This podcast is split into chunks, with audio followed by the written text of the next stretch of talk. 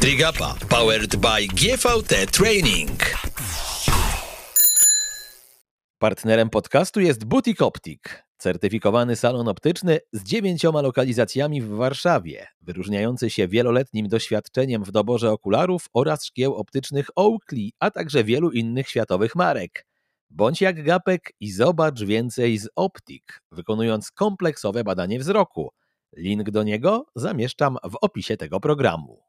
Kamil Gapiński, dzień dobry, witam Was bardzo serdecznie. Kolejny odcinek programu Trigapa, tym razem nie poświęcony Hawajom, albowiem w zeszłym tygodniu rozmawiałem z Robertem Wilkowieckim oraz jego teamem, więc jak ktoś jest ciekaw tego, co dzieje się u naszego jedynego prosa przed Hawajami, to odsyłam do tegoż odcinka, żeby móc sobie wszystkiego wysłuchać. Pewnie też Hawaje będą naszym tematem za tydzień, zobaczymy jak Polakom pójdzie, natomiast dzisiaj pozwolę Wam od tych Hawajów odetchnąć. Moim gościem Ania Halska, która jest kobietą wielu talentów. Dlatego też, mówiąc dzień dobry, proszę cię o to, abyś moja droga sama się przedstawiła. Kim ty właściwie jesteś? Jak ty siebie definiujesz w sporcie? E, no cześć, dziękuję za zaproszenie po pierwsze. Po drugie, witam wszystkich serdecznie. E, czy takich wielu talentów to ja bym sobie tak nie słodziła może na wstępie. E, na pewno jestem trenerką, e, trenerką personalną, chociaż aktualnie nie pracuję już za wiele w tym zawodzie.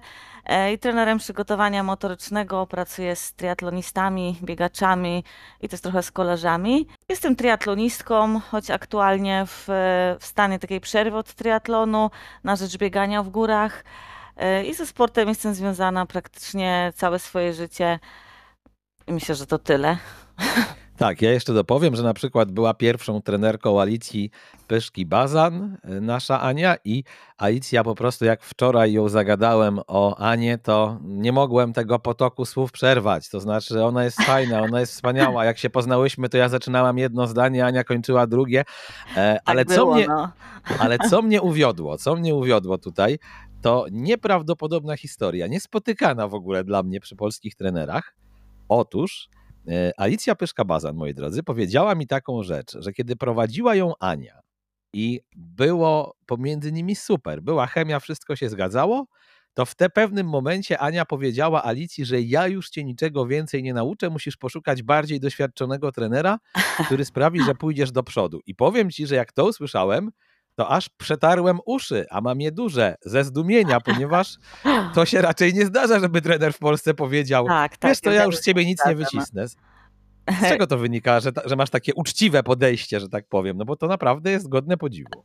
E, wiesz co, no dziękuję. Nie wiem, czy zgodne podziwu. Dla mnie jest to zupełnie naturalna rzecz, że po prostu ja wiem, gdzie jest mój sufit również kwestii przede wszystkim doświadczenia pracy z takimi zawodnikami na takim poziomie, bo Alicja e, od samego początku tutaj pokazywała taki potencjał e, zupełnie nieprzeciętny.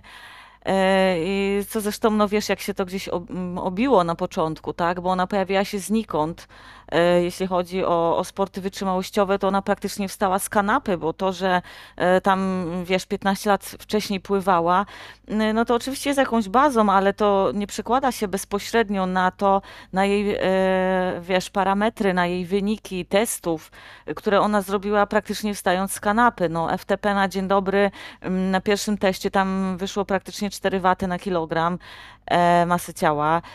Bieg, gdzie ona nie biegała w ogóle, bo tam jak to pływaczki były problemy ze stopami, więc y, kupiła sobie buty do biegania, wstała z kanapy i pobiegła 5 kilometrów domierzone, tam chyba w 19-20. No więc ja wiedziałam, o co tutaj chodzi. I pracowałam z nią na tyle, na ile potrafiłam, i bardzo szybko ona doszła gdzieś do poziomu, na którym ja po prostu nie chciałam jej blokować. A nie chciałam też nie chciałam też na niej testować pewnych rzeczy, tak? Ja prowadzę triatlonistów nawet na poziomie takich bardzo mocnych age grouperów, dlatego że ja sama mam takie doświadczenie, tak? E, ja trenowałam po 15-18 godzin w tygodniu, no natomiast e, pracując do tego równocześnie, więc e, jakby to jest takie odniesienie do zawodników, których ja teraz trenuję. Natomiast ja nie trenowałam nigdy po 30 godzin w tygodniu. Ja nie wiem, jak organizm reaguje na taką objętość. Ja nie wiem, jak mam to połączyć tak, żeby tego zawodnika nie skrzywdzić, a żeby go rozwinąć. Więc y, ja wiem gdzieś, jak środowisko trenerskie też na to zareagowało.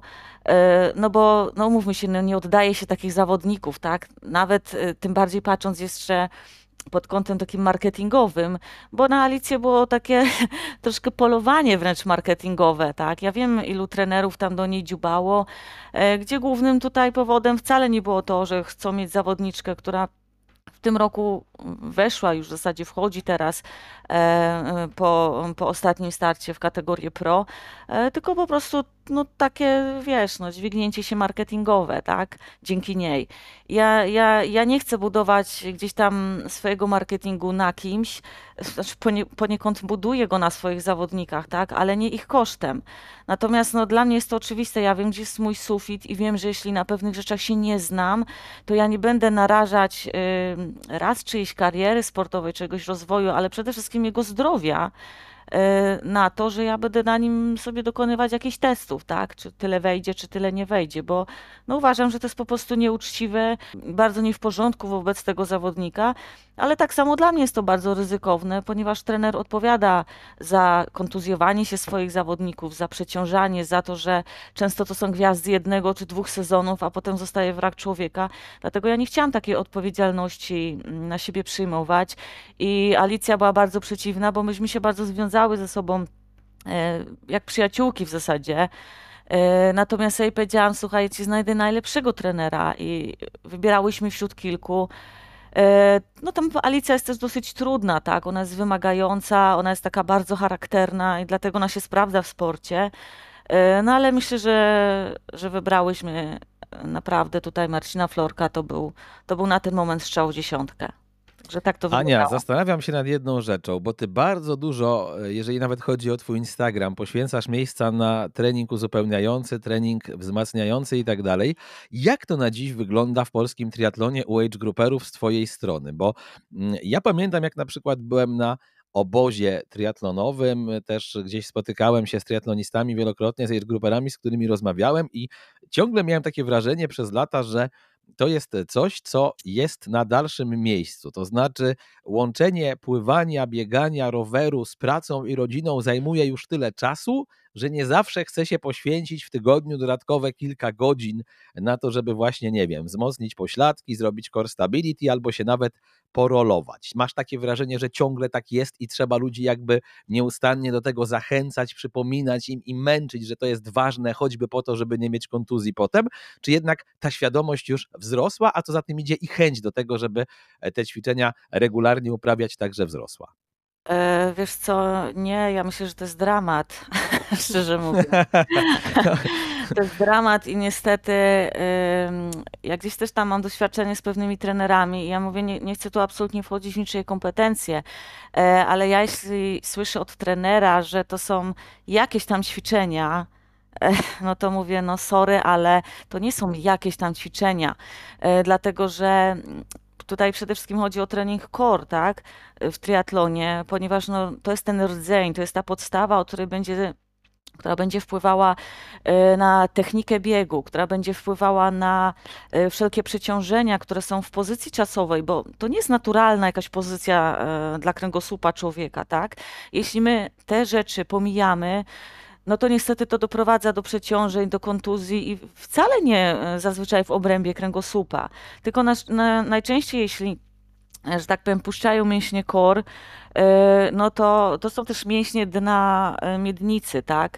Mięśnie dna miednicy wpływają na pracę biodra, na, na pracę bioder generalnie, więc od tego zaczynają się problemy z biodrem. Jak są problemy z biodrem, idą problemy z kolanem. Z kolanem to idą z kostką. No to są taśmy biomechaniczne. Nasz organizm tak naprawdę to, to, to jest kombinacja e, wielu taśm biomechanicznych.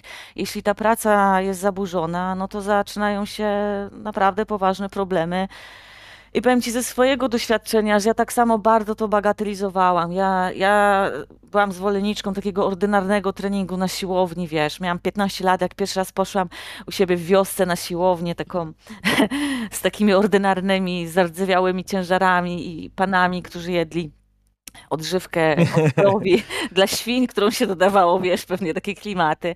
Ja też byłam zwolenniczką. Nie, siłownia, to musi zapiec, zaboleć, muszę trzy dni chodzić tyłem, wtedy jest zajebiście, nie? A takie ćwiczenia, to mówię, co tam ja mam jakąś nóżką machać, jakimiś gumami, w ogóle mogę machać dwie godziny, nic nie czuję. A tutaj właśnie chodzi o to, żeby ludziom wytłumaczyć, że to nie jest taki trening, który ma zapiec, który ma zaboleć. To jest trening, który jest ukierunkowany przede wszystkim na bardzo dużą dokładność, precyzję ruchu, na świadomie napinanie pewnych ruchów. Ja na przykład od jakiegoś czasu z pomocą mojego fizjoterapeuty uczyłam się napinać przeponę, pracować przeponą. I też sobie pomyślisz, Jezu, no co to jest? No leżysz i masz jakoś tam oddychać, nie? Natomiast, nie, słuchaj, ja mam dziewczynę wokalistkę. Podziało, ja, mam ja, ja, mam dziewczynę wokalistkę, więc tutaj nie będę się śmiał z treningu przepony, bo wiem, jakie to jest ważne. Zdaję sobie z tego sprawę. Tak, ale powiem ci ja i mówię to y, jakby świadomie jako trener, że ja takie rzeczy bagatelizowałam. Mówię, gdzie ja tam mam leżeć, mam jakoś wciskać ten brzuch, coś tam. Natomiast co się podziało? Jak y, najpierw oczywiście ten fizjoterapeuta podziałał na tej przeponie, on tam od, odblokował jakieś pusty, punkty spustowe i tak dalej. Ale potem ja rzeczywiście, to nie są treningi jakieś godzinne czy coś, to jest tak naprawdę 15 minut roboty. I też mi się nie chce, jest oczywiście, że mi się nie chce. Zazwyczaj już jestem zmęczona po całym dniu, po treningach jakichś tam biegowych czy, czy innych, no ale robię to. I rzeczywiście to w ogóle, co mnie zdziwiło, przełożyło się na wydolność. Bo rzeczywiście ta przepona, po prostu jak, jak ona ci poluzuje, no to, to zwiększa się możliwość poboru tego tlenu, tak? I dla mnie to była tak samo abstrakcja, to były takie, wiesz, czary mary, jak tam ci fizjoterapeuci czasem mówią na zasadzie, no dobra, powie i, i tyle, nie? Natomiast jak zaczęłam to robić, no to to jest kwestia jedna przepony, no ale druga, no to przede wszystkim ja praktycznie trzy lata walczyłam z kontuzją biodra. Odwiedziłam chyba ze 30 fizjoterapeutów, naprawdę, łącznie z tym, że jeździłam na drugi koniec Polski, już była taka desperacja, taka rozpacz w zasadzie, że ja, że ja to wszystko tracę, tak, no bo nie da się biegać z bólem, który jest w skali 8, 9 na 10, tak. I dopiero w zasadzie gość z Katowic. Y, oczywiście wcześniej byli goście, na przykład Maciek Czarny tam w, w Gdyni, y, który rzeczywiście odblokował to, to wszystko jakby wtórnie, co się podziało do urazu tego biodra. Natomiast samo to, że teraz nie mam absolutnie żadnego bólu, absolutnie z 0 na 10 y, no to jest jakby skutkiem tego, że ja regularnie robię te takie główkowate, za przeproszeniem, ćwiczenia, właśnie wzmacniający mięsień pośladkowy, e, który był praktycznie w totalnym zaniku, mięsień gdzieś tam gruszkowaty, czy tą boczną grupę pośladków. No i to zaczęło działać, po prostu zaczęło działać i mnie to też otworzyło oczy jako trenerowi na to, że to nie są jakieś tam ćwiczonka, które sobie dodamy, żeby wypełnić pole w Training Peaksie, tylko na to, że to działa. I moi zawodnicy rzeczywiście, e, mam na przykład dziewczyny, maratonki, które biegały mi po 110 km w tygodniu, naprawdę na ogromnych objętościach, intensywności. I one przeszły, zakończyły teraz sezon z kapitalnymi wynikami, bez jednej kontuzji, bez jednego nawet przeciążenia jakiegoś. E, ale bardzo pilnowałam tego treningu, on był regularnie wstawiany. Jak był niezrobiony, to od razu była notka trenera, dlaczego tutaj się nic nie wydarzyło. E, no i to zadziałało, tak. Dlatego no, tak jest moje zdanie. Wiem, że zdania trenerów tutaj są podzielone, e, ale też ja myślę, że z takimi rzeczami, gdzieś jak biomechanika człowieka, no to tu nie ma za bardzo co dyskutować, tak, że jest jakieś podzielone zdanie. No, no ona jest i, i nie możemy bagatelizować tego, że przy takich obciążeniach, bo to nie jest jakaś rekreacja, że wychodzimy sobie trzy razy w tygodniu na Nordic Walking, tak, tylko to są ogromne obciążenia, które zwłaszcza triatloniści gdzieś tam poddają ten organizm. Jeśli my nie popatrzymy na to holistycznie, po prostu całościowo, no to zawsze się zacznie coś psuć, nie? A mówię, no ja nie jestem zwolennikiem tego, że trenujesz zawodnika, robisz z niego gwiazdę jednego, dwóch sezonów, a w trzecim on jest kaleką, tak? I, i Moi drodzy, ja miałem takie przeczucie, że zaprosiłem tutaj prawdziwą gadułę i się nie, myl, nie myliłem. To dobrze, że mnie moja intuicja nie zawiodła, bo jak nie, słychać Ania... Dajesz pytania takie bardzo szerokie. No, to tak... no i bardzo mnie, to, bardzo mnie to cieszy, bo to dla mnie dużo lepsze niż jakbym miał ciągnąć za język rozmówcę, co też się zdarza. Słuchaj, ja pamiętam jak się przygotowywałem do pełnego Ironmana i właśnie chodziłem do fizjoterapeuty, robiłem zakroki, robiłem różnego rodzaju ćwiczenia i on ciągle mówił, ty masz za słaby ten kor, tobie może coś za jebnąć na rowerze i faktycznie na ostatnich 30 km... na rowerze, no. No i, jeb... No I słuchaj, i je... co więcej, i jebło, na ostatnich 30 kilometrach ten odcinek lędźwiowy naprawdę mnie bolał ja pamiętam, że mnie trzymała, dwie myśli mnie tak naprawdę trzymały wtedy w Malborku e, przy życiu. Pierwsza była taka, że się tego spodziewałem, wiedziałem, że tak może być, mhm. więc to nie był, powiedziałbym, atak e, taki gdzieś z zaskoczenia, a druga wiedziałem, że jak zejdę z tego roweru, to puści i będę mógł biec. No i puściło i biegłem. Natomiast zastanawiam się, E, jak, jak jest dla ciebie to minimum? Bo jednak słucha nas zdecydowana większość osób, która czy połówkę Ironmana uprawia, czy właśnie pełen dystans, to minimum takich ćwiczeń uzupełniających, jakie trzeba w tygodniu zrobić, to według ciebie jest co? To się w ogóle da określić? Ile takiego, wiesz, y, czy to powinno być trzy razy w tygodniu właśnie po 15 minut, czy pięć razy w tygodniu po 20 minut, czy jakoś inaczej? Czy jednak to jest tak indywidualne, że, że ciężko? Wiesz co, na pewno jest to indywidualne, natomiast ja, ja myślę, że takie dwa razy w tygodniu taki trening, no to jest około 15-20 minut, w zależności co tam wymyślimy.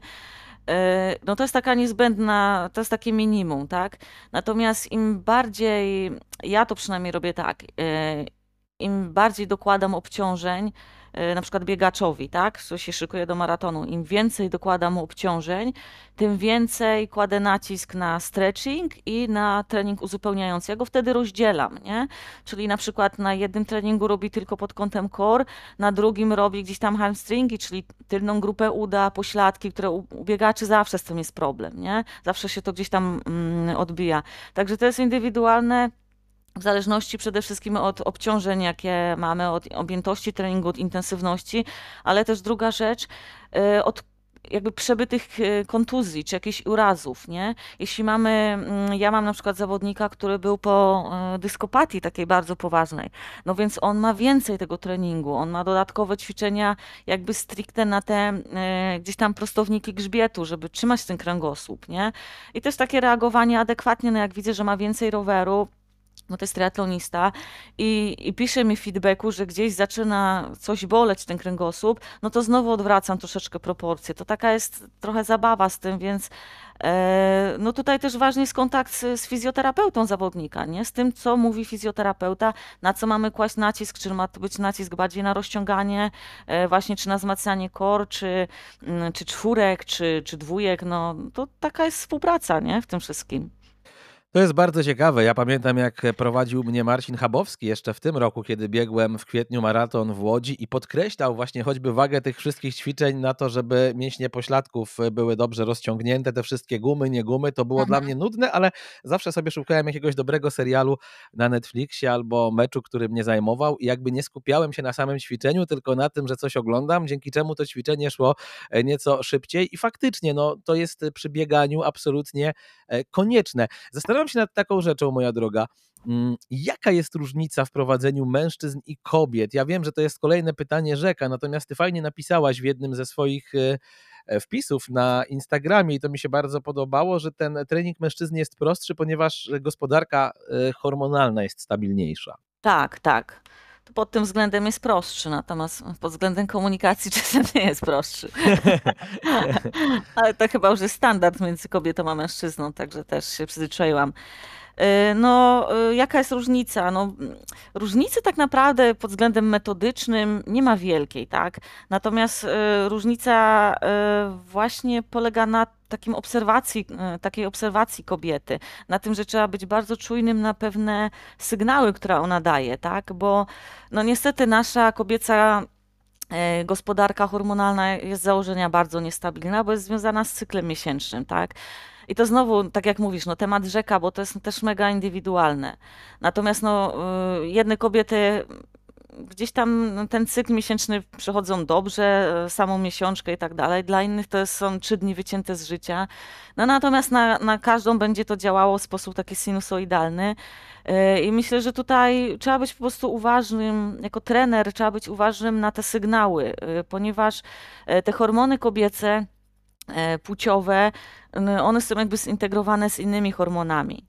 E, jeśli tutaj zaczynają się jakieś zaburzenia, na przykład yy, dziewczyna się bardzo wytnie, tak, ma małą, mały poziom, niski poziom tkanki tłuszczowej, yy, w której poniekąd też po części są syntetyzowane estrogeny, po, powstają. Yy, zaczynają się jazdy na przykład z serotoniną, czyli z takim hormonem dającym nam radość, szczęście, poczucie spełnienia i tak dalej. I kobieta zaczyna się robić depresyjna, zaczyna się jej nie chcieć, to są takie rzeczy, które można bardzo łatwo przegapić, tak? Bo pomyśleć na przykład, no dobra, tam ma gorszy dzień, no ale jak już ma gorszy drugi tydzień, to myślę, że też trzeba zareagować i na takie rzeczy popatrzeć. Tak samo jak jedno ciągnie drugie, czyli zaburzenia gdzieś tam poziomu estrogenów mogą pociągnąć zaburzenia funkcjonowaniu hormonów tarczycy, czyli mówiąc najprościej, odpowiedzialnymi hormonami odpowiedzialnymi za metabolizm. Więc e, no jest to trzeba być po prostu bardziej czujnym, trzeba myślę, słuchać tej kobiety, reagować na to e, tak samo podczas e, samych tych dni okresu, tak? Bo jedne są kobiety, e, które idą jak, jak czołg wtedy i czują się super, e, a drugie są takie, no, które trzeba bardzo delikatnie, bo, bo tylko pogarsza sprawę, tak? Natomiast no, ta gospodarka hormonalna u facetów jest znacznie prostsza, bo tam jest kwestia testosteronu. Też na to trzeba patrzeć, nie? Zwłaszcza u wytrzymałościowców, bo u mężczyzn ten testosteron e, w sportach wytrzymałościowych lubi gdzieś tam bardzo spadać e, i wtedy też daje konkretne objawy, nie? I też nie można tego bagatelizować. Natomiast no, u pań trzeba trzeba gdzieś tam tego mm, pilnować, może pilnować. No, to nie jest tak, że ja mam spisane dokładnie, gdzie, która ma okres, choć niektóre mam, bo wiem, że y, u nich to są dni takie, że, że dziewczyna naprawdę leży i zdycha za przeproszeniem. Więc ja mam to wpisane w swoim trening piksie, kiedy się mogę tego spodziewać, tak? Żeby jej tam nie przywalić na przykład dwóch treningów bo tu jest jeszcze problem taki, że kobiety trenujące triatlon, w ogóle no nie tylko triatlon, zazwyczaj zawodniczki one są bardzo zdeterminowane. I ona, jeśli ma w Training Peaksie wpisane, że ona ma wtedy zrobić zakładkę, to ona mimo, że będzie naprawdę czucie jak gówno za przeproszeniem, to ona do tej zakładki podejdzie. Oczywiście założenia to będzie zupełnie nieefektywne, ona będzie cierpieć, nasili się krwawienie i tak dalej. No dlatego to są też takie rzeczy, które ten trener powinien wiedzieć wcześniej, żeby tam nie dokładać, nie? Tak uważam. Jaki ty masz procent kobiet, a jaki mężczyzn, których e, prowadzisz? Liczyłaś to sobie kiedyś? Wiesz co, nie liczyłam, ale myślę, że tak e, w tym momencie gdzieś 70% kobiet do 30% mężczyzn, tak, tak bym to określiła. Na początku ja pyta... miałam po połowie, ale teraz już mam więcej, więcej kobiet. Ja pytam o to z jednego prostego względu, bo ciekaw jestem, jak podchodzą faceci do dziewczyny, która ją ich trenuje. Czy jest to dla nich jakikolwiek problem, czy też nie? Wydaje mi się, że już nie, bo coraz więcej mężczyzn trenuje z kobietami, chociażby z Olgą Kowalską. No i to też jest tak, że to nie ty szukasz zawodników, tylko zawodnicy, zakładam, w zdecydowanej większości zgłaszają się do ciebie. Czyli jak ktoś już tak, tak. dzwoni do Ani, Halski, Ani Halskiej, córki Olgierda Halskiego, Marka Konrada ze tradycji. tak jest. musiałem kiedyś ten żart wykorzystać. Teraz, teraz myślałem, mówię, a jebnę teraz, co mi szkodzi. Dziękuję. E, no i w związku z tym, jak dzwoni, no to już musi być przekonany, że chce z kobietą pracować. Wiesz co, w większości to nie jest żaden problem tam ze strony panów. Nie, nie spotkałam się, żeby to był, był jakiś problem. Aczkolwiek są takie, y, takie jednostki, podkreślam jednostki, z którymi są duże starcia między nami, bo im tak przynajmniej ja to odbieram, że im trochę trudno jest zaakceptować, że, że tak powiem kolokwialnie, baba mu coś każe, tak? Albo baba mu czegoś nie pozwoli. E, myślę, że tutaj o to chodzi, że im jest bardzo trudno przełknąć takie coś, że no tutaj mu baba będzie mówić, że ona wie lepiej, nie? A to, no to też trzeba ustawić, że to, to nie jest kwestia płci, tylko kwestia tego, że on zdecydował się na jakąś współpracę, w której z założenia on musi temu trenerowi zaufać. I zaufać, że to ten trener wie, co jest dla niego lepsze, mimo że często jemu się wydaje, że on by co innego zrobił e, i tak dalej. Nie? Ale to, to są jednostki. To ja nie mam z tym jakiegoś większego problemu, aczkolwiek miałam kilku takich panów, no i to dosyć że tak powiem, szło na noże czasami, nie? No ty wyglądasz, zdajesz się być taką cholerą, jak cię słucham, ale taką pozytywną cholerą. Ja muszę powiedzieć, że zawsze wolałem z kobietami pracować i nawet moje, naj, moi najlepsi przyjaciele to są kobiety, jakoś mam taką kobiecą duszę, wolę na przykład jechać samochodem z kobietą jako osoba, która nie ma prawa jazdy, bo wychodzę z założenia, że mimo wszystko babki są za kółkiem uważniejsze. A jak to wygląda, moja droga, jeżeli chodzi o prowadzenie kobiet? To znaczy, masz zawodniczki w różnym wieku i ciekawi mnie ta specyfika, jak się prowadzi zawodniczkę 20, 30, 40, 50-letnią, nad czym polegają największe różnice w ich treningu i może też w podejściu. No, ja w ogóle u tobie usłyszałem pierwszy raz, kiedy mówiła mi Alicja Pyszka-Baza na swojej pierwszej trenerce, ale też śledzę Kingę Kozłowską, która jest mhm. bardzo zdolną młodą zawodniczką, tak, studentką tak. medycyny i też twoją zawodniczką. I jakby przypomniało mi się o twoim istnieniu, kiedy zobaczyłem Kingi wpis e, po tym sezonie 2022 triatlonowym, w którym między innymi e, dziękowała swojej trenerce. No, Kinga to też jest dobry materiał do pracy, że tak powiem. Mega fajny człowiek przy okazji. Jest fajnie też, e, jak ja mam zawodniczki, które które mnie inspirują. Myślę, że to jest fajne dla trenera, że nie, nie sprowadza się to, wiesz, do tego, że ja mam kogoś inspirować i ja mam być jakimś guru.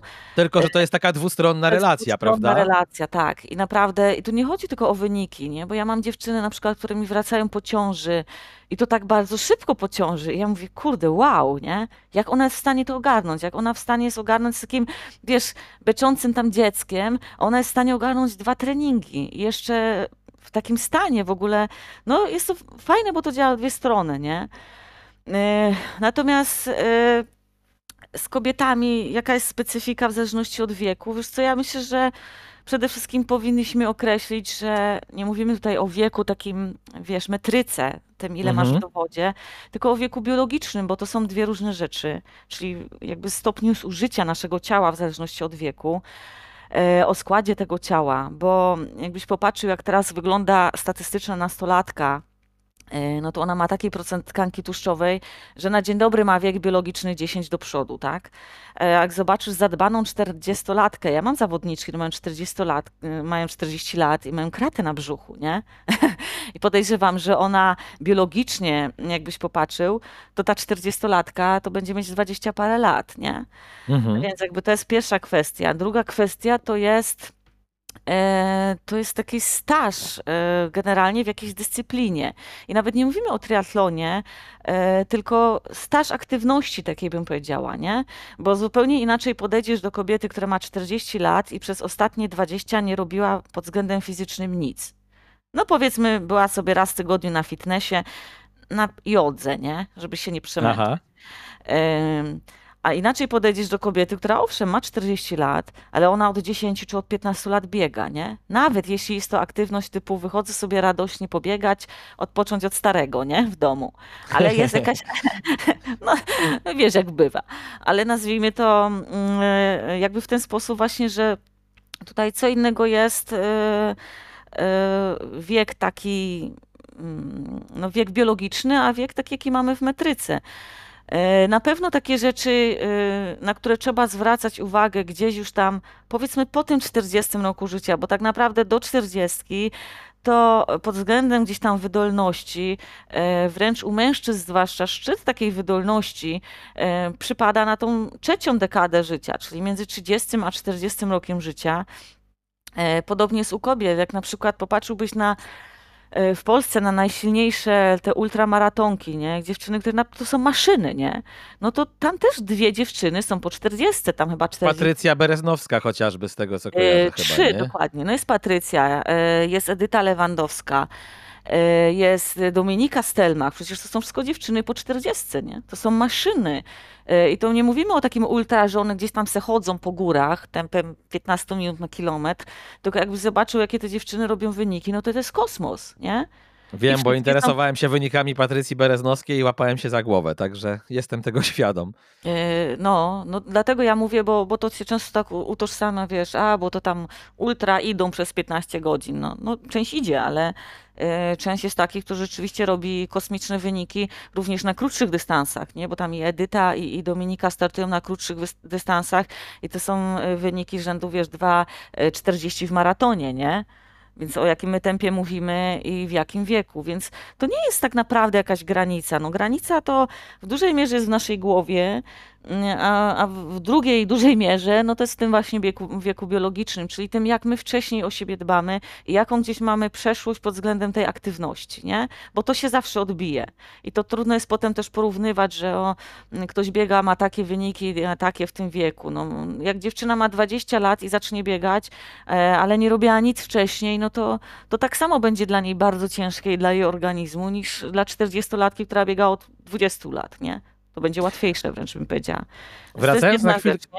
Wracając na chwilkę jeszcze do kontuzji, bo przypomniała mi się taka rzecz, o którą cię chciałem zapytać, żeby tam ten temat zamknąć. To nie jest trochę tak, że my dbamy o siebie wtedy, gdy pojawi się pierwszy uraz? Bo ja patrząc na swój przykład i paru innych biegaczy, akurat nie triatlonistów, których znałem, to mam wrażenie, że bagatelizowali rozciąganie, bagatelizowali core stability i tak dalej, i tak dalej, do momentu pierwszej poważniejszej kontuzji, która na przykład albo im wyjęła z życia e, kilka miesięcy, albo cały sezon nawet i tak dalej.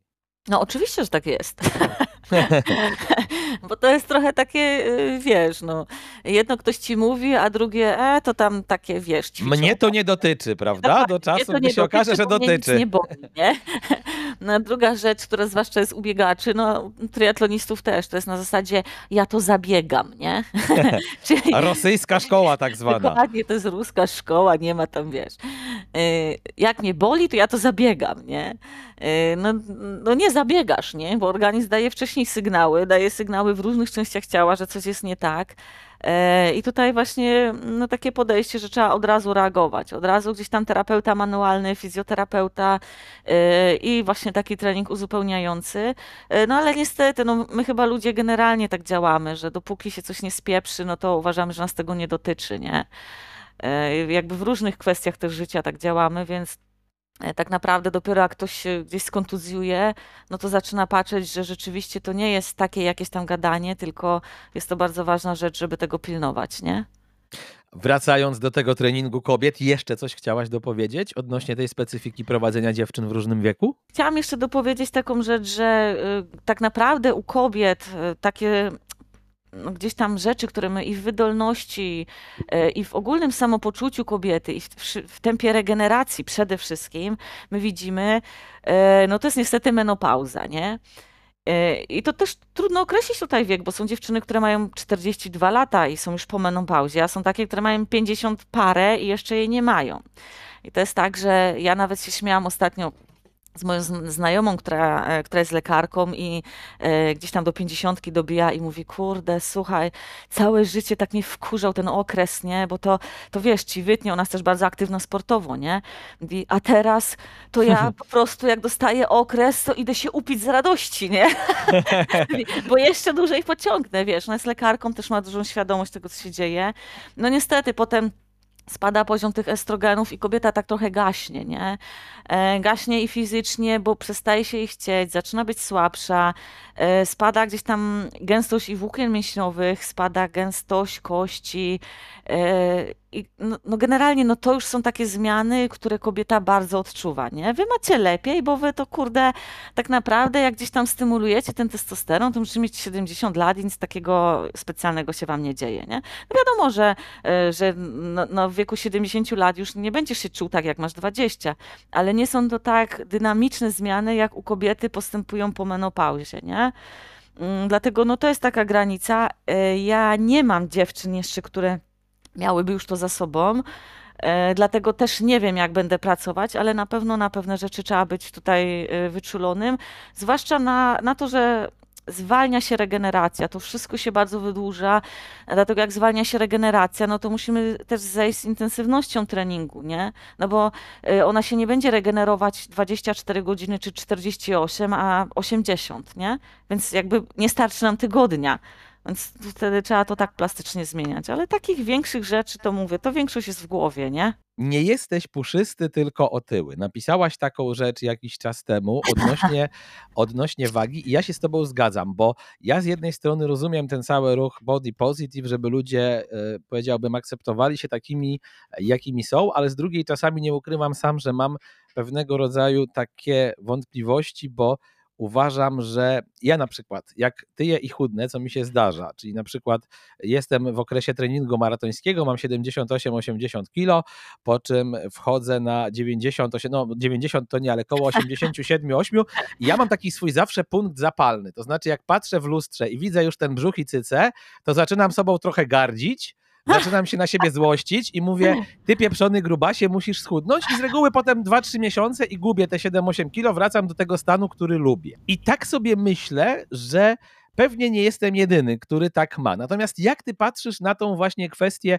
otyłości, puszystości, tego jak, bo ty fajnie napisałaś, że puszysty to może być sernik, a, a nie człowiek. I e, rozmawiałem jakiś czas temu, pamiętam, z Bogumiłem Głuszkowskim, który apelował wręcz o to, żeby młodzież o siebie bardziej dbała, że boi się pracując Tak, z no, ludźmi jest nastoletnimi, że nam, no właśnie, rośnie pokolenie ludzi, którzy w wieku 26-7 lat będą mieli problemy olbrzymie z krążeniem przez to, jak się prowadzą. Tak, bo to jest tragedia. i Niestety ta tragedia wynika w dużej mierze z tego e, właśnie błędnego postrzegania całego ruchu body positive, nie? I takie przyklaskiwanie temu, że ktoś jest otyły, no kurde, sorry, ale nie. I to nie wynika z tego, że ja kogoś oceniam, że mówię, że e, on jest gruby, bo jest leniwym pierdzielem, który siedzi i nic nie robi. Nie, ja tylko stwierdzam fakt. Otyłość to jest bardzo poważna choroba całego organizmu, całego. Natomiast ruch body positive w ogóle z założenia nie powstał po to, żeby propagować tą otyłość, tylko akceptować rzeczy, na które my nie mamy wpływu. Czyli na przykład, nie wiem, masz krzywe nogi albo nos jak klamkę od zakrystii. No nie bardzo z tym, co zrobisz, tak? No to akceptuję i mam w dupie to, że komuś się to podoba, czy się to komuś nie podoba. Albo nie wiem, jestem wycięta i nie mam biustu, no i, i co? I co to kogo obchodzi? Jeśli je, dla mnie to jest ok, no to dla mnie to jest ok. I, I to, jak ktoś inny to postrzega, to co mnie to obchodzi. To jest body positive, tak? Body positive powstał jakby po całym ruchu promującym takie e, modelki, które w większości były anorektyczkami. I to jest druga skrajność, tak? Ale on powstał na zasadzie promujmy normalne, zdrowe ciało. Ciało, które jest w różnych rozmiarach, bo mamy określony genotyp, e, możesz być endomorfikiem, czyli takim e, szerszym niż wyższym, o masywnej, e, takiej krępej budowie ciała, no to przecież nie spiłujesz se kości od połowy, nie? No, będziesz mieć ciężki typ budowy, co nie znaczy, że masz być otyły. To są No totalnie możesz być nawet mistrzem rzeczy. świata, będąc tak zbudowanym, patrz Christian Blumenfeld, No, który, do- prawda, Dokładnie. No Blumenfeld jest typowym przykładem takiego ciężkiego endomorfika, tak?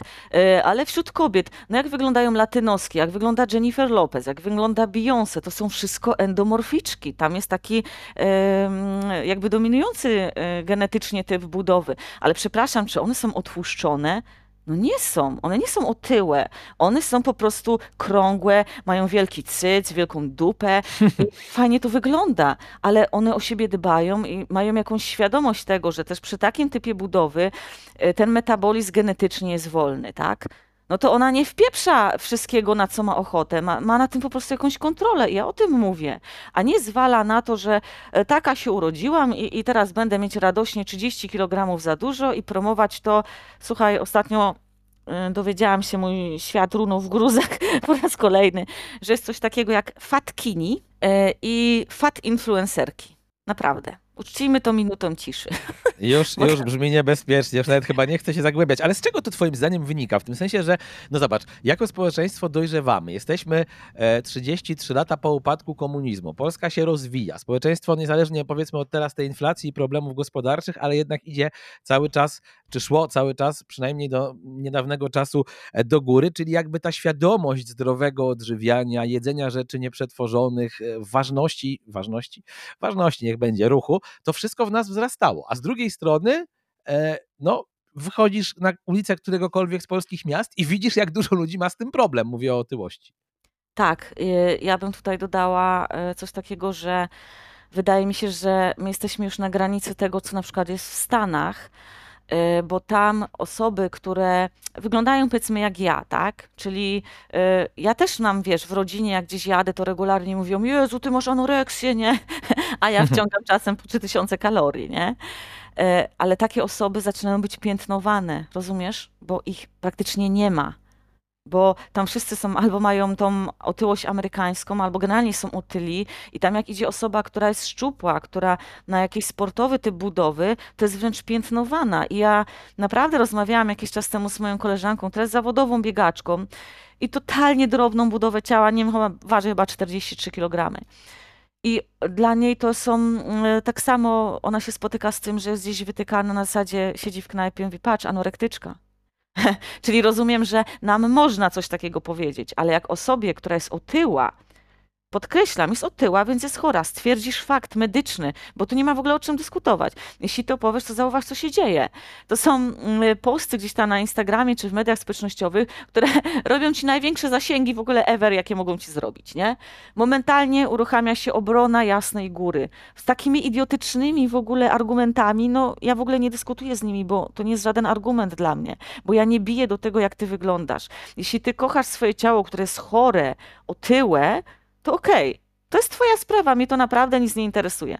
Ale nie promuj tego, nie wciskaj, zwłaszcza tym młodym dziewczynom, że to jest sexy, że to jest fajne, że ty masz się z tym pokazywać i obnosić. Bo kurde, no nie obnoś się, yy, tak samo nie wiem, no to jarasz fajki, czy jarasz zioło, będziesz chodzić po ulicy i promować, że masz jarać fajki, zioło, bo będziesz się zajebiście czuł wyluzowane? Przecież to tak samo jest choroba. Ja o tym mówię, o promowaniu jakiejś choroby, nie? A e, one momentalnie to odwracają, właśnie te fat influencerki. Już miałam okazję się z tym zetknąć. Odwracają to w ogóle, jakby nie słuchają tego, co ty mówisz, nie? Tylko jest obrona Jasnej Góry, bo przecież ty masz kochać siebie bezwarunkowo. I ja mówię, okej, okay, i to jest bardzo fajny ruch i dobrze, że on powstał, no ale kurde, nie odwracajmy mm, jego znaczenia. I to, o co pytałeś, wydaje mi się, że okej, okay, rośnie świadomość, ale z drugiej drugiej strony popatrz, jak my jesteśmy ogłupiani e, i w tych mediach społecznościowych, i nawet w jakichś głupich reklamach, nie? Wciskanie nam produktów, które są na przykład mocno przetworzone, jako produkty zdrowe. Bo masz je kupić, bo one są zdrowe i po nich będziesz fit, nie? I ludzie nie mają takiej świadomości, żeby sprawdzić, żeby poszukać, żeby zapytać kogoś, kto się na tym zna, tylko po prostu, no, gdzieś tam wiesz, ktoś w reklamie powie, no to ona idzie i to kupi. Ale właśnie widzisz, mi się wydaje, Ania, że ludzie też mają problemy, do, to o czym mówisz, taką najprostszą wiedzą. No, ja pamiętam kiedyś. E, jestem w Płocku w domu, mój tata wyjmuje z kartonu, e, znaczy wyjmuje taki sok w jego mniemaniu pomarańczowy w kartonie i, le, i leje i ja mówię, co ty za gówno pijesz? A on mówi, jak to gówno? No przecież to jest sok pomarańczowy. Ja no, mówię, człowieku. Stało koło pomarańczy, nie? To koło, koło soku pomarańczowego nawet nie stało. Przecież tam masz dwie łyżki cukru na łyżkę. Ja dopiero jak tak powiedziałem obrazowo, że tam masz dwie łyżki cukru, czy trzy na szklankę, to on tak się na mnie popatrzy i mówi, tak? Ja mówię, no tak, nie pij takiego dziadostwa. Ale wielu ludzi właśnie mam wrażenie, nawet wydaje im się być może, że jedzą tak, coś, co jest zdrowe, a to wcale tak nie wygląda. Tak, no o to, o to chodzi, bo to jest właśnie to ogłupianie e, i to wciskanie ludziom, to nie wiem, nie ma, wydaje mi się, że społeczeństwo nie ma żadnej jakiejś takiej autorefleksji, tak? Czyli, że ktoś mi coś y, powie, to ja od razu w ciemno to uznaję, zapewnik i biorę to za swoje, tak? No gdzieś jest jakaś autorefleksja, jakieś pomyślenie, no czy aby na pewno, nie? Wciskanie właśnie takich, y, takich rzeczy, że o, coś jest zdrowe i co ma jakieś witaminy, no, no tak samo e, społeczeństwo w Polsce jest przecież na pierwszym e, miejscu w rankingu w Europie e, ludzi, którzy bardzo ochoczo wydają pieniądze na wszelkie suplementy, nie? Gdzie tak, tak jesteśmy naprawdę... krajem suplementów. Wystarczy tak, włączyć pierwszą, lepszą stację radiową albo telewizyjną, żeby zobaczyć, że tam są ciągle reklamy suplementów, nic Dokładnie. innego. Na wszystko, na wszystko, a nie, nie znają takich podstawowych rzeczy, na przykład zagłębić się w ogóle, co to jest ten suplement, czy ktoś to kiedyś badał, czy to, że oni ci napiszą na opakowaniu, że ta substancja tam jest, w takiej dawce, w takiej chłanialności, czy ona w ogóle tam jest, bo jej tam nie musi być. Tam może być mączka chleba świętojańskiego i to też jest okej, okay. bo to jest rynek, którego się nie bada w ten sposób, nie? Natomiast ludzie zamiast zadbać o takie bazowe, elementarne rzeczy, czyli ożywienie, gdzie naprawdę jest to trudno zrobić, bo teraz stary kupujesz rukole i myślisz zajebiście zjem sobie rukole, będę fit i będę mieć witaminy, do tego dam sobie pomidorka i tak dalej, a wszystko spakowane w plastik plastiku. Plastik jest, nawet jak jest w chłodniach czy gdzieś, y, jest naświetlany, tak? Bo musi ładnie wyglądać. A naświetlanie plastiku powoduje uwalnianie jego cząstek do tych produktów, które są w środku. Więc my od pewnych rzeczy i tak nie uciekniemy. No bo no co będziesz jadł? Trawę? To naprawdę... No właśnie, bo wiesz, bo chodzi mi o to, że mogą być też ludzie, którzy chcieliby jeść zdrowo i się dobrze odżywiać, ale wiesz, nie każdy ma A czas, a B na przykład pieniądze, bo ja mieszkając pod Warszawą zdaję sobie sprawę na przykład, że są te, nie wiem jak to nazwać, hodowle naturalnych owoców i warzyw, że ja mogę sobie e, napisać do pana Romka, żeby on mi przywiózł niepryskane tam właśnie pomidory i tak dalej. Natomiast jak to spojrzysz na cenę, no to jest no pięć no, razy wyższa niż, niż, niż no. normalnie. E, no i też wydaje mi się, że nie każdy będzie miał w sobie tyle takiego po pierwsze takiej dociekliwości, żeby tego szukać, a po drugie po prostu nie każdego na to będzie stać. No oczywiście, że tak, ale wiesz co, ja uważam, że my żyjemy w takich czasach, gdzie nie uciekniemy od pewnych rzeczy, tak? Jest pandemia nowotworów i one się nie wzięły z dupy, no bo one zawsze były, no ale nie na taką skalę. Nie, nie było 30-latków umierających na nowotwory w, w takich gdzieś tam statystykach, czy 40-latków. No i to niestety yy, już jest coraz więcej badań potwierdzających na to, że no, my my te e, jakby substancje karmiące ten nowotwór, my je jemy, my je mamy w środowisku, tak? No, no nie uciekniesz od pewnych rzeczy, nie uciekniesz od tego, że to jedzenie jest przetwarzane. Dlatego e, ja uważam, że tutaj kwestią jest e, nie takie oszukiwanie się też, że ja jestem bio, eko, turbo, w ogóle fit, bo nie uciekniesz od pewnych rzeczy. Natomiast świadomy wybór mniejszego zła. Ja do tego tak podchodzę. Ja świadomie wybiorę coś, co jest mniej przetworzone, e, co ma mniej tych wszystkich konserwantów, barwników, cukru i takich rzeczy. E, no ale nie łudzę się, że, że wiesz, że będę żyć 100 lat, bo jem dużo warzyw, nie jem mięsa tam w zasadzie E, i jem ryby, no, które tak samo świecą od tego, co połknęły, pływając gdzieś tam w oceanie czy w hodowlach. No przecież no nie uciekniesz od tego, no nie uciekniesz od tego, jak zanieczyszczony jest klimat, no bo raczej w Katmandu nie zamieszkasz.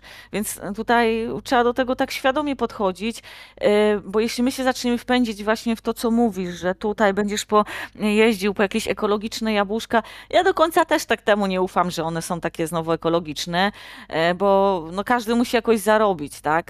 E, ale to się taki trochę wpędzimy, wiesz, w stres niepotrzebny, a dość już mamy tego stresu wszędzie. Tylko kwestia po prostu no, świadomego wyboru takich produktów, no mniej przetworzonych, nie? Świadomego łączenia pewnych produktów albo nie łączenia, pilnowania na przykład ilości węglowodanów i tłuszczu, tego jakie tłuszcze jemy, nie? A ludzie nie mają niestety takiej podstawowej wiedzy, bo wiesz, ja mam takie trochę spaczenie też, wiele lat pracowałam miałam swój gabinet taki e, dietetyczny. E, I potem masz takie spaczenie, że zaglądasz ludziom do koszyka w Lidlu, nie? Zawsze sobie myślę, ja pierdolę, za przeproszeniem, nie? Widzisz te dzieci i, i te dzieci ładujące tam te kurde e, słodycze i wszystkie rzeczy w kolorach tęczy i ci rodzice, którzy na to w ogóle nie reagują, nie? I te soki, no soki, bo on kupi sok, bo to bo sok jest zdrowy, nie? Dla dziecka. Mm. Tam choć, choć powinno mieć to właśnie napisane wyrób, wyrób sok, sokopodobny.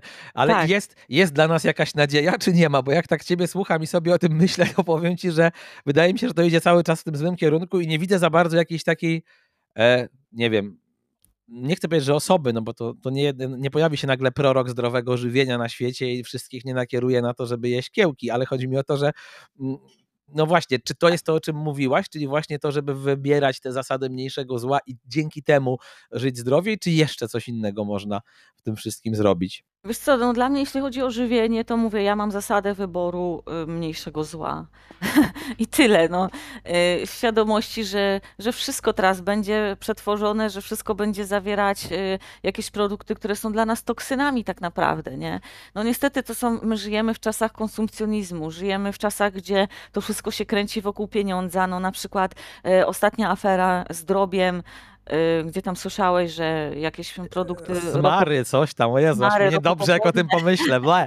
Y, no tak, ale z drugiej strony y, ja jem dosyć dużo tuńczyka, więc myślę, że ja nie wiem ile ja ołowiu wpieprzam z tym tuńczykiem. No, tuńczyk przecież to jest ryba większa ode mnie. To tak, ile musieliśmy, ona... tutaj musimy wam zdradzić sekret, że dzisiaj nagrywając się nie widzimy, bo jak włączyła Ania kamerkę, to się cała świeciła i wyglądała jak święta od tego tuńczyka, dlatego musieliśmy wyłączyć. Ja mam świadomość, że może tak być być, nie? No ale, ale co mam zrobić? No to za chwilę mi przyjdzie, e, albo wpadnę w jakieś takie paranoje. Są tacy ludzie, którzy mają, wiesz, te bio-eko, tam e, jakieś kiełki. Koleżanka też, śmiałam się z niej, bo hodowała kiełki na balkonie, nie? Ja mówię, no gratuluję, bo one też będą świecić, nie? Hodujesz je na balkonie. No to są takie rzeczy, o których mówię, nie uciekniemy. E, natomiast ja wierzę, że to w połączeniu z taką też świadomością potrzeby tej aktywności. Ja nie, nie mówię tutaj nawet o treningu takim, wiesz, jak my trenujemy, ale po prostu aktywności, tego jak ona bardzo nam jest potrzebna w ogóle do funkcjonowania układu krążenia, układu oddechowego, e, do takiej profilaktyki cukrzycy i tego wszystkiego, żeby ci ludzie mieli jakąś świadomość i no to strasznie kuleje, nie? To kuleje strasznie, jest dla mnie przerażające to, jak otyłe są teraz dzieci.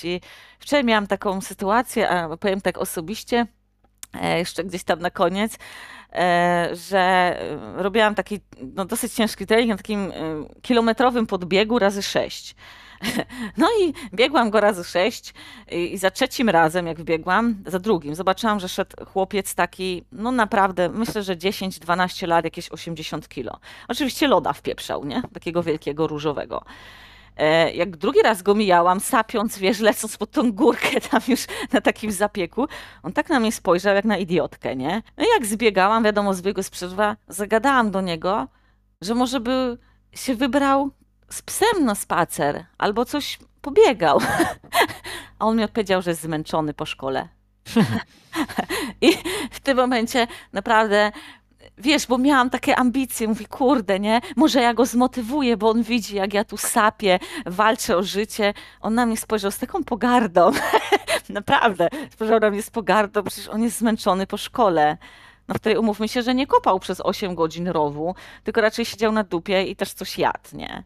Yy, więc to jest kwestia e, takiego jakiegoś ogólnopolskiego programu, który by trzeba było ruszyć, ale no to nie jest, że ja nie wierzę w ludzkość, ale trochę ciężko to wygląda, no, patrząc na to właśnie choćby na reakcję ludzi, nie? Jak chcesz im zwrócić na coś uwagę, bo chcesz im pomóc, chcesz im powiedzieć, kurde, no, no nie bierz tego dzieciaka do McDonalda, nie? To jak już musisz, to weź go do tego Subwaya, gdzie zje bardziej zdrową bułkę, coś możesz mu wybrać i tak nie nagradzaj go tym jedzeniem, bo mu to do końca życia zostanie, że on będzie się nagradzał jedzeniem, a przyczyna y, otyłości tak naprawdę w 80% oczywiście jest związana z tym, że ktoś się obżera, no bo tu nie zwalajmy na tarczycę i na to, to jest jakiś procent ludzi otyłych wskutek choroby, niewielki procent. Natomiast e, ta otyłość jest związana z takim czynnikiem e, psychicznym, o podłożu psychicznym, to jest zajadanie emocji, zajadanie depresji, jakieś takich rzeczy. I kurde, mówisz o tym komuś nie dlatego, żeby go wyśmiać, że jest gruby, że jest brzydki, że nie wiem, ma depresję, nie?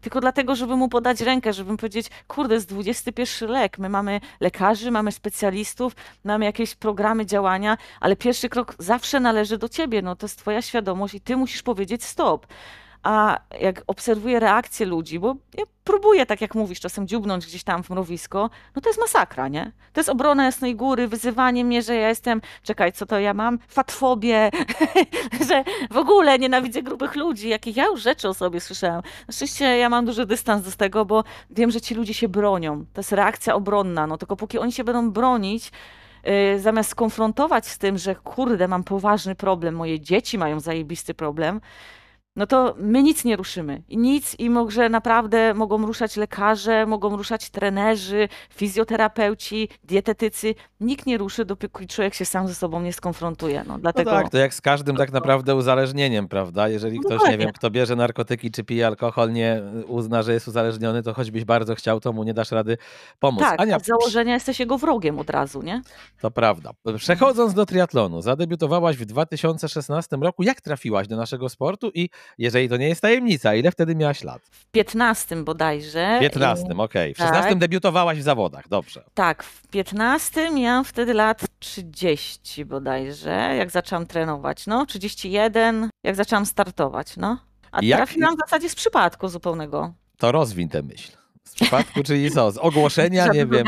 Zobaczyłaś, zobaczyłaś jakieś zawody, czy, czy na czym ten przypadek e, polegał? Nie, nie. Ja siedziałam wtedy y, w górach, jak to ja, bo ja jestem człowiekiem gór. E, I byłam na kursie skałkowym najpierw, potem taternickim, bo szykowałam się do wyjazdu na Grossglockner. Więc musiałam zrobić kurs taternicki, no żeby tam nie spaść przypadkiem z tego Grossglocknera. I tam poznałam mojego pierwszego takiego w zasadzie trenera, który mi pomógł wprowadzić w triatlon. Bo ja wtedy biegałam sobie po górach. Biegałam dużo, intensywnie, jakoś nie startowałam specjalnie, bo to też nie było wtedy takiego rynku biegowego gdzieś tam w tych górach. No ale dużo biegałam, więc ja codziennie po skałach chciałam sobie pobiegać i zobaczyłam, że on też albo biega, albo rano gdzieś się zrywa, o 5 rano gdzieś jedzie. I się okazało, że on jest triatlonistą. Robert Hirk, e, bardzo fajny człowiek, nawiasem mówiąc. No ja tak go zaczęłam obserwować i tak się w to wkręciłam, że kurde fajnie, nie? On tu z nami siedzi co dzień w skałach, rano idzie pływać, potem jeszcze siada na rower, taki pierwszy raz zobaczyłam w ogóle taki rower, nie? Czasowy. No i się podjarałam i tak, tak jakoś zostało, że od razu go poprosiłam, czy on w ogóle może mi e, pomóc, bo ja no totalnie, wiesz, nie? W ogóle nie wiedziałam, o co tutaj chodzi, nie?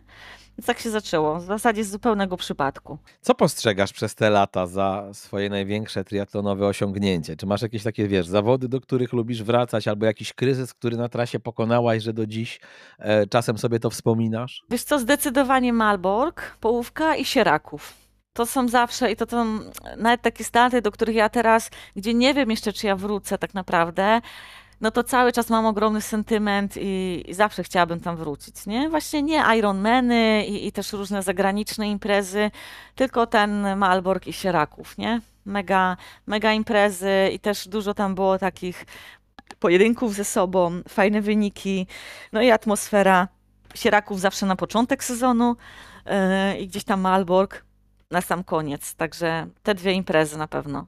A gdzie tobie się udało wygrywać zawody? No i w Sierakowie, i w Malborku. Mówisz o takich dużych, czy o takich tych popierdółkach? Taki, takich, żeby się pochwalić, słuchaj, tutaj w programie. No już ty oceń, którymi warto. Wiesz co, nie wiem, czy ja tak mam się czym chwalić, nie? Ja nie zrobiłam w triatlonie tego, czego chciałam zrobić i co wiem, że mogłabym zrobić gdzieś tam z moim potencjałem tutaj, zwłaszcza biegowym. E, no bo niestety gdzieś tam ta kontuzja i to, co zaczęło się dziać, już mnie doprowadziły pod kurek też takiej mojej psychicznej tolerancji pewnych rzeczy, nie? E, natomiast takie wyniki na poziomie tam 4,42, no to, to są już u kobiet, u kobiet mocne wyniki. Sloty na Mistrzostwa Świata i to nie takie ze spadku gdzieś tam na dziesiątym miejscu, tylko takie... Nie z rolling downu, no właśnie. tak, nie z tak. rolling downu, mówmy się. E, bo tym raczej bym się nie chwaliła. E, były te sloty, ja na Mistrzostwa Świata nie pojechałam, bo sloty akurat były za każdym razem e, albo Stany, albo tam chyba była Nowa Zelandia, no to sorry, ale to trochę z czapy wyciągnięte poza zasięgiem jakimś tam finansowym. Ale no gdzieś tam jakieś medale Mistrzostw Polski w duatlonie, w takich, w takich rzeczach, no myślę, że swoje zrobiłam, ale nie do końca to, co chciałam i dlatego to jest jeszcze takie coś, co ciągle mnie tam ciągnie do tego triatlonu, bo wiem, że wiesz, ja nie lubię w życiu kończyć czegoś, jak wiem, że jeszcze mogłam coś tam zrobić, nie?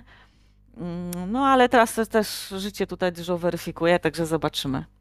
Biegasz w górach i tak zastanawiam się, co daje ci ten sport, czego na przykład nie dawał ci triatlon, bo ja znam biegaczy górskich raczej, którzy nie przechodzili, albo inaczej nie przechodzili pomiędzy bieganiem w górach a triatlonem, tylko raczej pomiędzy bieganiem e, ulicznych biegów i biegami górskimi. I oni mi zawsze tłumaczyli, że jak raz pobiegniesz w górach, to się zakochasz, bo tam jest tak bardziej majestatycznie, sprzyja taki start temu, żeby zastanowić się nad swoim jestestwem. E, no i zastanawiam się właśnie, jakie są te różnice dla ciebie i te plusy być może triatlonu, których nie mają biegi górskie i w drugą stronę. E, wiesz co, no różnice są ogromne i, i, i pod względem treningu, i pod względem startów, i pod względem ludzi, środowiska e, całego gdzieś tam biegowego w górach. No w samym treningu przede wszystkim jest to, że E, jest bardzo duża, mm, nie ma takiej monotonii, nie? Jestem bardzo dużo na zewnątrz cały czas i to, mówię, no ja obecnie biegam na przykład na poziomie gdzieś tam 100 km w tygodniu, z czego jakieś 60, 50, 60, taka połowa jest w górach. Resztę to są biegi takie crossowe, czy ja znowu jestem w lesie, w naturze, jestem sobie tam sama. E, robię sobie swoje bez takiego ciśnienia typowo, wiesz, na przykład e, no, porównaj trening 6 e, razy 1000 metrów na stadionie, czy nawet 10 razy 1000 na 6 razy 1000 podbiegu w górach, gdzie pracujesz generalnie na tej samej intensywności pod względem tam tętna, no ale no, no nie biegasz w kółko jak chomik, nie? I są zupełnie inne jakby doznania, nie? Nie ma trenażera, który zaczął mnie potwornie męczyć w triatlonie. To jeżdżenie do ściany, już do Zwifta, to no, gdzieś tam musiałam od tego odpocząć. Same starty to jest, no to jest zupełnie co innego, nie? Znaczy, może nie zupełnie, bo na pewno podobną rzeczą jest bardzo wysoki poziom koncentracji, nie? to nie jest takie, ja mówię tutaj o bieganiu, bo dużo jest takich biegaczy górskich, którzy tak sobie startują, bardziej sobie tam chodzą niż biegają. I oni wtedy, wiesz, mają całą tą majestatykę gór, e, tam te wszystkie widoczki i tak dalej. Tutaj nie, tutaj e, musisz się momentalnie, cały czas się musisz koncentrować, bo wiesz, dwie sekundy dekoncentracji, że spojrzysz tam na górkę czy na ptaszka i masz skręconą kostkę albo wybite zęby. Więc e, tutaj nie ma. Jest takie niesamowity fokus, takie skupienie i takie Rzeczywiście jest takie coś, że zwłaszcza jak biegniesz powiedzmy 30 kilometrów, to już się dłuży. Raz, że musisz kontrolować pewne rzeczy, jak na przykład strefy tętna, w jakich pracujesz, bo wiesz, do czego jesteś przygotowany sygnały organizmu, sygnały e, gdzieś tam e, odwodnienia, utraty cukru i tak dalej, to w triatlonie jest też podobne, ale w triatlonie jest więcej takich stabilnych elementów, nie? Siadam na rower, jadę 90 kilometrów i tylko pilnuję tam, wiesz, żeli, pilnuję jakichś akłonów, żeby się nie odwodnić i tak dalej. Tutaj masz tą nieprzewidywalność, bo nie ma dwóch takich samych tras. Nawet masz te same dystanse, które jeden cię potrafi przeorać tak, że, że nie chodzisz trzy dni, a drugi jest lajtowy, nie? Więc dużo czynników takich, e, takich jest nieprzewidywalnych i mi się podoba ta nieprzewidywalność, bo to jest właśnie ta, ta, dla mnie ten klimat gór, nie?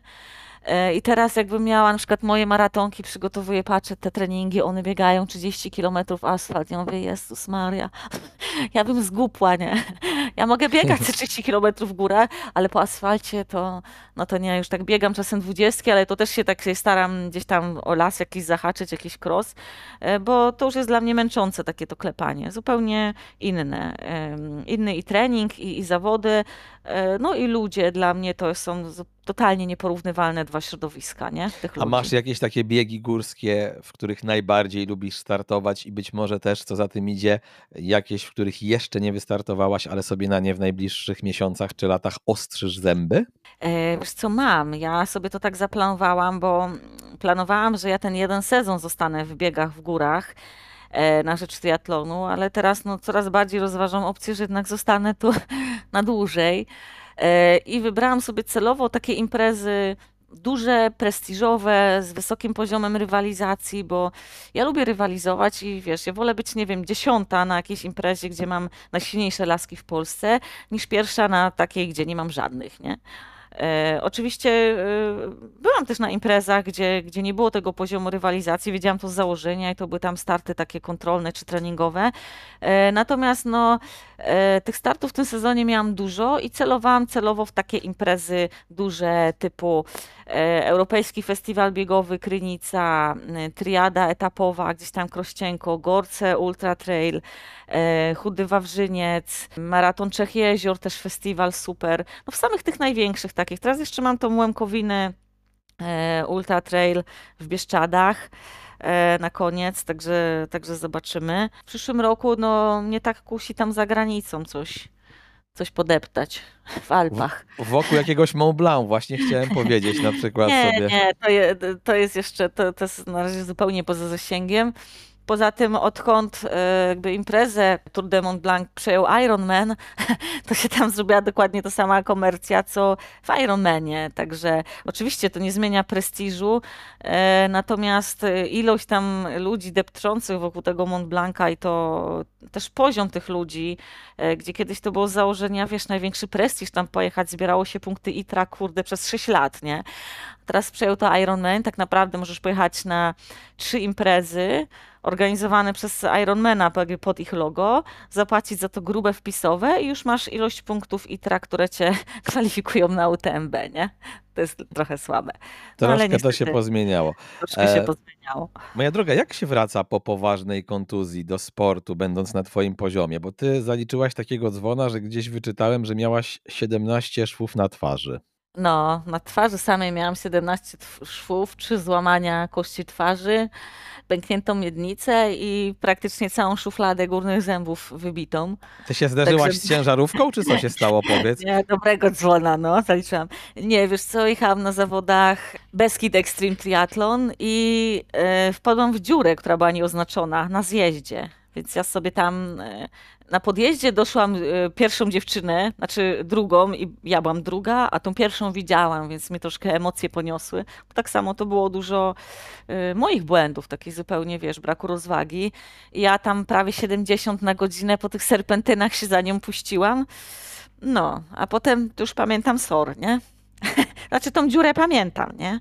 A że nie miałaś akurat, mimo tego, że byłaś w Beskidach nart, E, to nie mogłaś wylądować z telemarkiem jak Adam Małysz. Jak się wraca po takiej kontuzji? Bo ja no, miałem połamany obojczyk, zerwane więzadła w barku i wiem, że to nie jest e, proste po ciężkim urazie, jeszcze właśnie takim, który kończy się na sorze, kończy się operacją, potem, żeby się na przykład przemóc i wejść znowu na rower. No wiesz co, ja miałam tak, że, e, bo ta, ta miednica nie była złamana, tam nie było żadnych przemieszczeń, była pęknięta. Więc oni mi tam powiedzieli dwa miesiące w ogóle leżeć, coś tam. Ja chyba po sześciu tygodniach czy po pięciu siadam już na rower. E, tak po prostu, żeby po płaskim pokręcić, bo wiedziałam, że jak nie siądę od razu, nie siądę już nigdy. No i, i to był dramat, nie? To był dramat. To były ataki paniku, paniki, płaczu. Ja nie umiałam w prawo skręcać. chyba przez, naprawdę, chyba przez dwa miesiące nie umiałam skręcić w prawo, bo ta dziura była na zakręcie takim ostrym w prawo, nie? Na samym środku tego zakrętu mnie z niego wywaliło, dlatego w nią wpadłam. No, nikt inny nie wpadł z zawodników, nie? Więc ja nie umiałam skręcić w prawo, miałam taką blokadę w mózgu. Natomiast tutaj, no, pomogli mi ludzie po prostu. Pomogła mi grupa, która mi włączyła takich kolarzy, wiesz, 70+. Plus. Oni, jak, jak taka kwoka mnie otoczyli, ja z nimi jeździłam, płakałam na tym rowerze. No, to był dramat, nie? Ale wiedziałam, że jak nie, że ja se swoje, tam przy nich płakałam, wiesz, oni jechali, a ja płakałam, bo był zjazd o nachyleniu 2%, nie? nie, poważnie. E, ale oni się zatrzymywali, wiesz, wracali, mega, nie? To naprawdę takich ludzi to mega im będę wdzięczna do końca życia. A potem no to już jeździć, jeździć i to zaczęło jakoś puszczać, nie? Ale no długo to trwało, aż tak odzyskałam taką pełną kontrolę nad rowerem, na to, że mu zaufałam, że wiesz, teraz no ja mieszkam w górach, więc tu walę po tej Wiśle, Szczyrku, po tych serpentynach, normalnie jadę, nie mam zakwasów na przedramionach, bo chyba ze dwa lata miałam, tak hamowałam, rozumiesz, że miałam zakwasy na przedramionach po rowerze, nie? Każdym. więc y, to ze dwa lata trwało, nie? Teraz już, już, już jest spoko. Moja droga, bo ty opowiadałaś o tym, że gdzieś dla ciebie ważną postacią był Tomek Spaleniak i Trisuto. Mam wrażenie, że była taka moda trochę na Breta Satona i jego, mm, powiedziałbym, treningowe metody kilka lat temu w Polsce, między innymi Alicja Medak, Rafał Medak wywodzą się z tej szkoły, Rafał Herman też e, wielokrotny uczestnik Mistrzostw Świata na Hawajach trenował w Trisuto, a teraz jakby chyba troszkę to się zmieniło. Nie masz takiego wrażenia, patrząc na Polskę, że coraz mniej ludzi wspomina Breta Satona? Tak, tak. Myślę, że tak się stało. Nie wiem dlaczego, skąd to wynika, ale, ale zdecydowanie tak. E, jeszcze chciałem zapytać na koniec, bo ty wspominasz, że twoim autorytetem jest Jerzy Górski. Zastanawiam się, co w nim podziwiasz? Wiesz, no najprościej mówiąc to, że miał sobie tą siłę, żeby wyjść z piekła, w jakim był, tak? To jest y, ogromną siłę trzeba mieć, bo to wychodzi jeden, nie wiem na ilu, na stu, z takiego dna już na jakim był, nie? E, I, I podziwiam w nim przede wszystkim tą jego skromność, tak? Że człowiek, który jest taką potęgą tak naprawdę, jest przy tym tak skromny. To jest coś, co mnie mega urzeka, e, urzekło w nim. Miałam e, okazję poznać tego człowieka osobiście i było to dla mnie duże przeżycie, naprawdę. Właśnie ta jego pokora, ta jego skromność. Mimo, że wiesz, no, z takiego nałogu nigdy się nie wychodzi do końca, to znaczy z każdego nałogu, tak? No, możesz przestać brać narkotyki, przestać pić i, i tak dalej, ale pewne mechanizmy w tym człowieku zostają do końca. On musi mieć coś w zamian. E, I on nie ma łatwego życia, on nie będzie mieć nigdy, jak każdy człowiek, który się gdzieś tam e, zetknął z jakimś uzależnieniem, a mimo to on, on cały czas działa, on, on zachęca ludzi, on im pokazuje, że, że można wyjść kurde, no, z takiego piekła, nie? Więc no, jest dla mnie mega, mega inspirującym człowiekiem, a Niewielu mam takich w życiu, powiem szczerze. Ania, na koniec naszej rozmowy, która mam nadzieję, że była inspirująca, nawet nie tyle rozmowa, co to, co mówiłaś, bo, bo dużo fajnych rzeczy. Przeszliśmy przez żywienie, przeszliśmy przez trening e, kobiet e, w różnym wieku, przeszliśmy przez podejście e, treningowe triatlonistów do zajęć uzupełniających. Chciałabyś coś takiego, wiesz, przekazać środowisku, o czym powinni ludzie na co dzień trenując pamiętać? Jakieś takie przesłanie od Anny Halskiej? Hm. Mogłeś mi to napisać wcześniej, ten pomyślała. No właśnie, że... A tak, to nie wiem co. Jak, jakiś taki, wiesz, statement? Chciałabym przekazać przede wszystkim to, żeby robili to dla siebie, robili to świadomie, przede wszystkim w zgodzie ze sobą, bo e, tak patrząc w porównaniu po tym roku w świecie górskim, w porównaniu do triatlonu, to tam się dzieje źle, jak dla mnie. Źle, dzieje się źle wśród ludzi, dzieje się, się źle wśród takiego braku szacunku do siebie, takiej nagonki na siebie, cwaniactwa, trochę nie wiem jak to nazwać. I myślę, że po prostu, jak to fajnie Daniel Niekimiuk ostatnio podsumował, że może trochę bardziej trzeba gumy wyluzować, e, cieszyć się z tym, że kurde, jesteście zdrowi, że możecie coś robić, że macie super imprezy, gdzie możecie się spotykać, po prostu się tym cieszyć, chłonąć to, rozwijać się, a, a nie tak bardzo napinać tym wszystkim, nie? Czyli luzujemy poślady, to jest przesłanie Ani Halskiej, która była moim gościem w kolejnym odcinku programu Trigapa. Dziękuję Ci bardzo serdecznie za poświęcony ja czas. Bardzo dziękuję. Moi kochani, ja też Was zachęcam do tego, aby wejść w piątek na portal desport.pl, gdzie ukaże się moja rozmowa z Markiem Jaskółką. To będzie rozmowa nie mówiona, tylko pisana przed y, startem Roberta Wilkowieckiego na Hawajach. No z kimże rozmawiać, jak nie z Markiem, który był ostatnim Polakiem pro, jaki tam na tych Mistrzostwach Świata wystąpił. Kamil Gapiński, dziękuję bardzo serdecznie. Wszystkiego dobrego. Do usłyszenia. Trigapa powered by GVT Training. Partnerem podcastu jest Butik Optik, certyfikowany salon optyczny z dziewięcioma lokalizacjami w Warszawie, wyróżniający się wieloletnim doświadczeniem w doborze okularów oraz szkieł optycznych Oakley, a także wielu innych światowych marek. Bądź jak Gapek i zobacz więcej z Optik, wykonując kompleksowe badanie wzroku. Link do niego zamieszczam w opisie tego programu.